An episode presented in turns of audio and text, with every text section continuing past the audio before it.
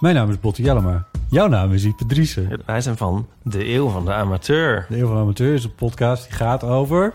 Alles. Het is een eh, podcast over levenskwesties die je niet kunt googlen. Een soort licht neurotische blik op het leven. Het is een podcast met humor.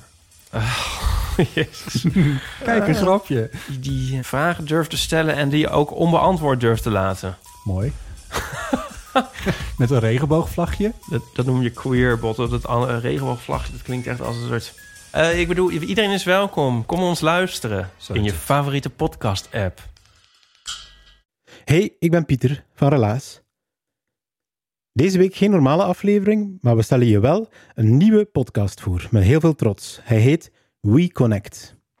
We hebben die samen met Casa Rosa gemaakt. En Casa Rosa is de koepelorganisatie van ongeveer 20 verenigingen voor holibies en transgenders. En ze zijn ook het regenbooghuis in Oost-Vlaanderen. Holibies en transgenders die stuiten nog al te vaak op onbegrip. En daar willen we bij Relaas, maar ook bij Casa Rosa iets aan doen in dezelfde vorm van relaas, een waar gebeurd verhaal, verteld door de persoon die het zelf heeft meegemaakt, maar wel in de hele eigen stijl van het project. En het heet We Connect.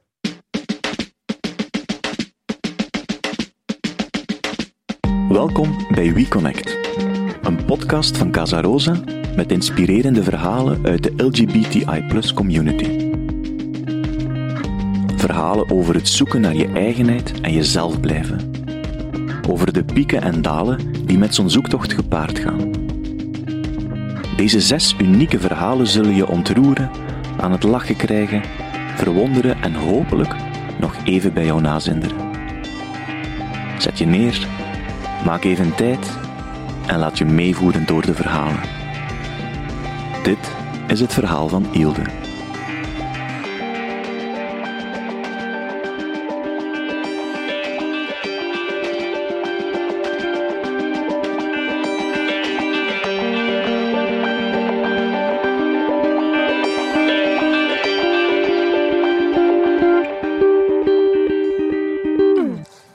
Mijn tante wordt vandaag begraven. Ze is 88 jaar geworden en ik heb deze week apart van haar afscheid genomen. Mijn overleden tante en mijn al een tijdje overleden onkel die gingen meer dan 50 jaar geleden op huwelijksreis. En ze brachten voor mijn zus een pop mee en voor mij een auto. Een schone rode camion. En mijn tante en mijn onkel die waren absoluut niet bezig met gender of geaardheid. Ja, dat kenden ze niet.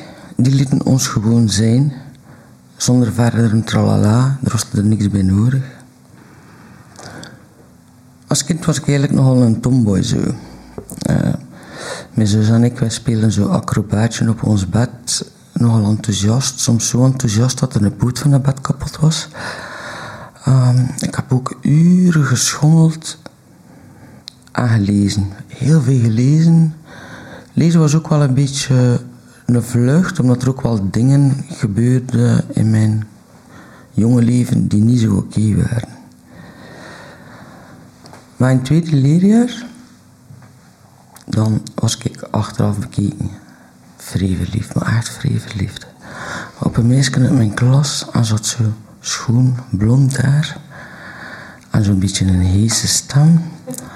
En ze droeg zo dikwijls van die Schotse rokken. Zo. Dat was zo toen mode, zo, met van die rode of van die groene ruiten. En ja, met zo'n grote mega toespeld zat daar ook zo in. Ehm, en ik was eigenlijk blij dat ze het een beetje lastig had om te schrijven. Want dan kon ik haar helpen en dan kon ik bij haar zitten. En haar ruiken en haar zien. Ja, ik vond dat geweldig. En tot vandaag heb ik eigenlijk nog altijd een zwak voor de schotten. in het middelbaar zat ik op een meisjesschool. Ik vond dat wel oké. Tot dan men begonnen uit te gaan. Want dan waren echt al mijn vriendinnen oersaai. Zo, op het moment dat er een jongen op toneel kwam, dan veranderden die zo in van die popemie-achtige nepwezens. Boring. En ik wist toen wel dat er homo's bestonden, maar lesbiennes, daar had ik echt nog nooit van gehoord. Stilletjes aan begon mijn frank te vallen. En op een zomer uh, werden er bij ons op dorp altijd zo jeugdhuisfeest in zo'n grote witte tent. En die avond gingen de kreuners optreden. En tegenwoordig hadden op een festival allemaal zo van die Dixie-wc's. Maar dat was toen niet, dat was gewoon zo een gammel stenen gebouw met zo een groene deur erin. En ik zat dus op die wc en door de muur van de wc vertelde mijn vriendin dat ik lesbisch was. Ik was, ja, eigenlijk ontsterven. Ik durfde eigenlijk niet meer goed buiten komen. Ja, uit de kast komen was bij mij eigenlijk uit de wc komen.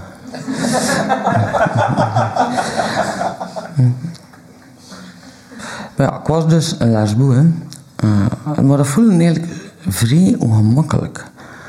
En ik dacht, ja, eerlijk maar, hè, niet onnozel doen, dat is gewoon zelfstigma. Want als je in die tijd niet hetero werd, dan was je verkeerde. Dus ja.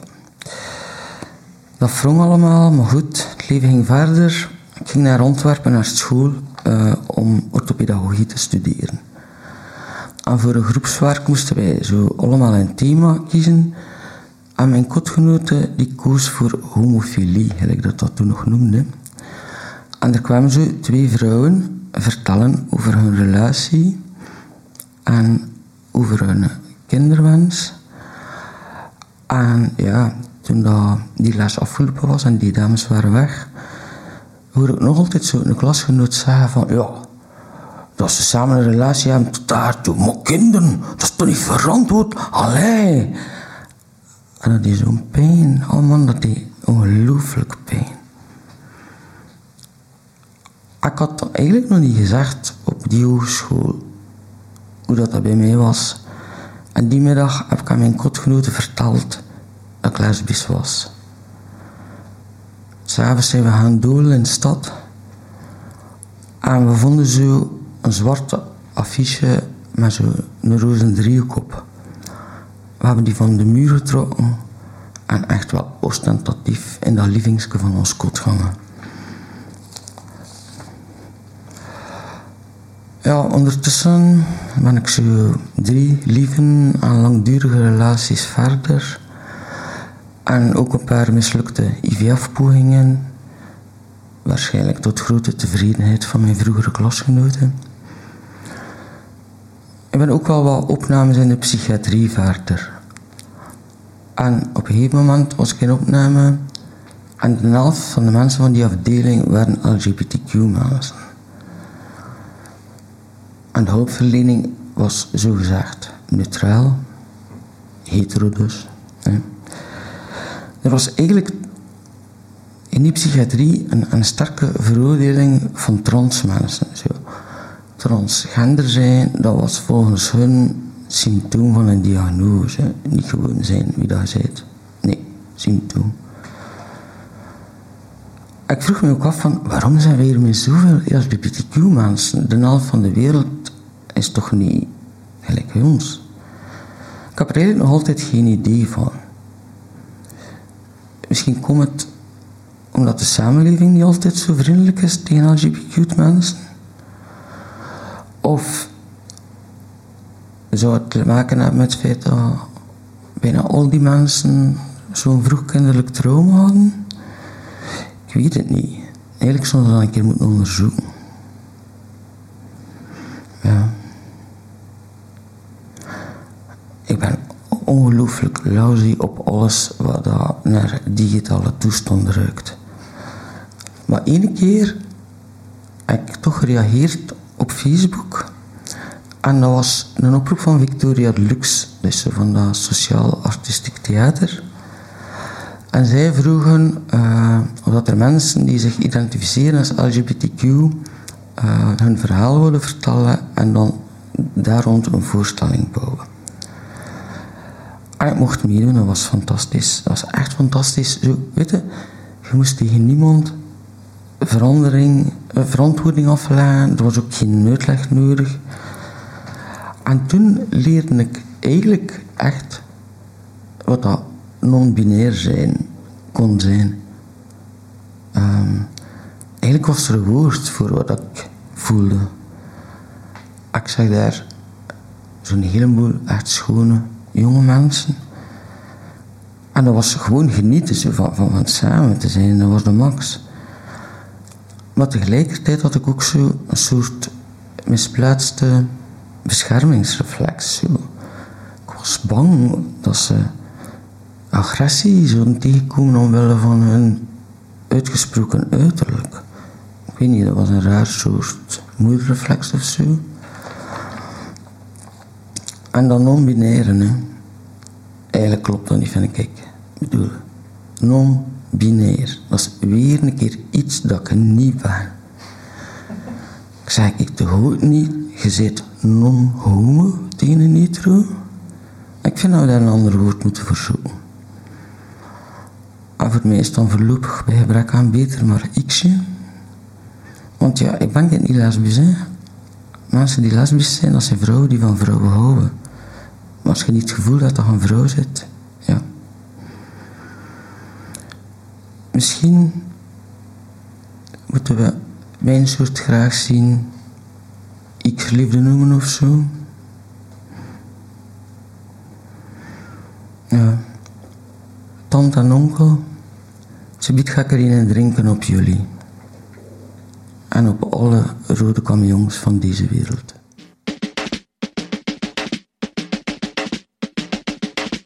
Het project WeConnect kwam tot stand op initiatief van Casa Rosa.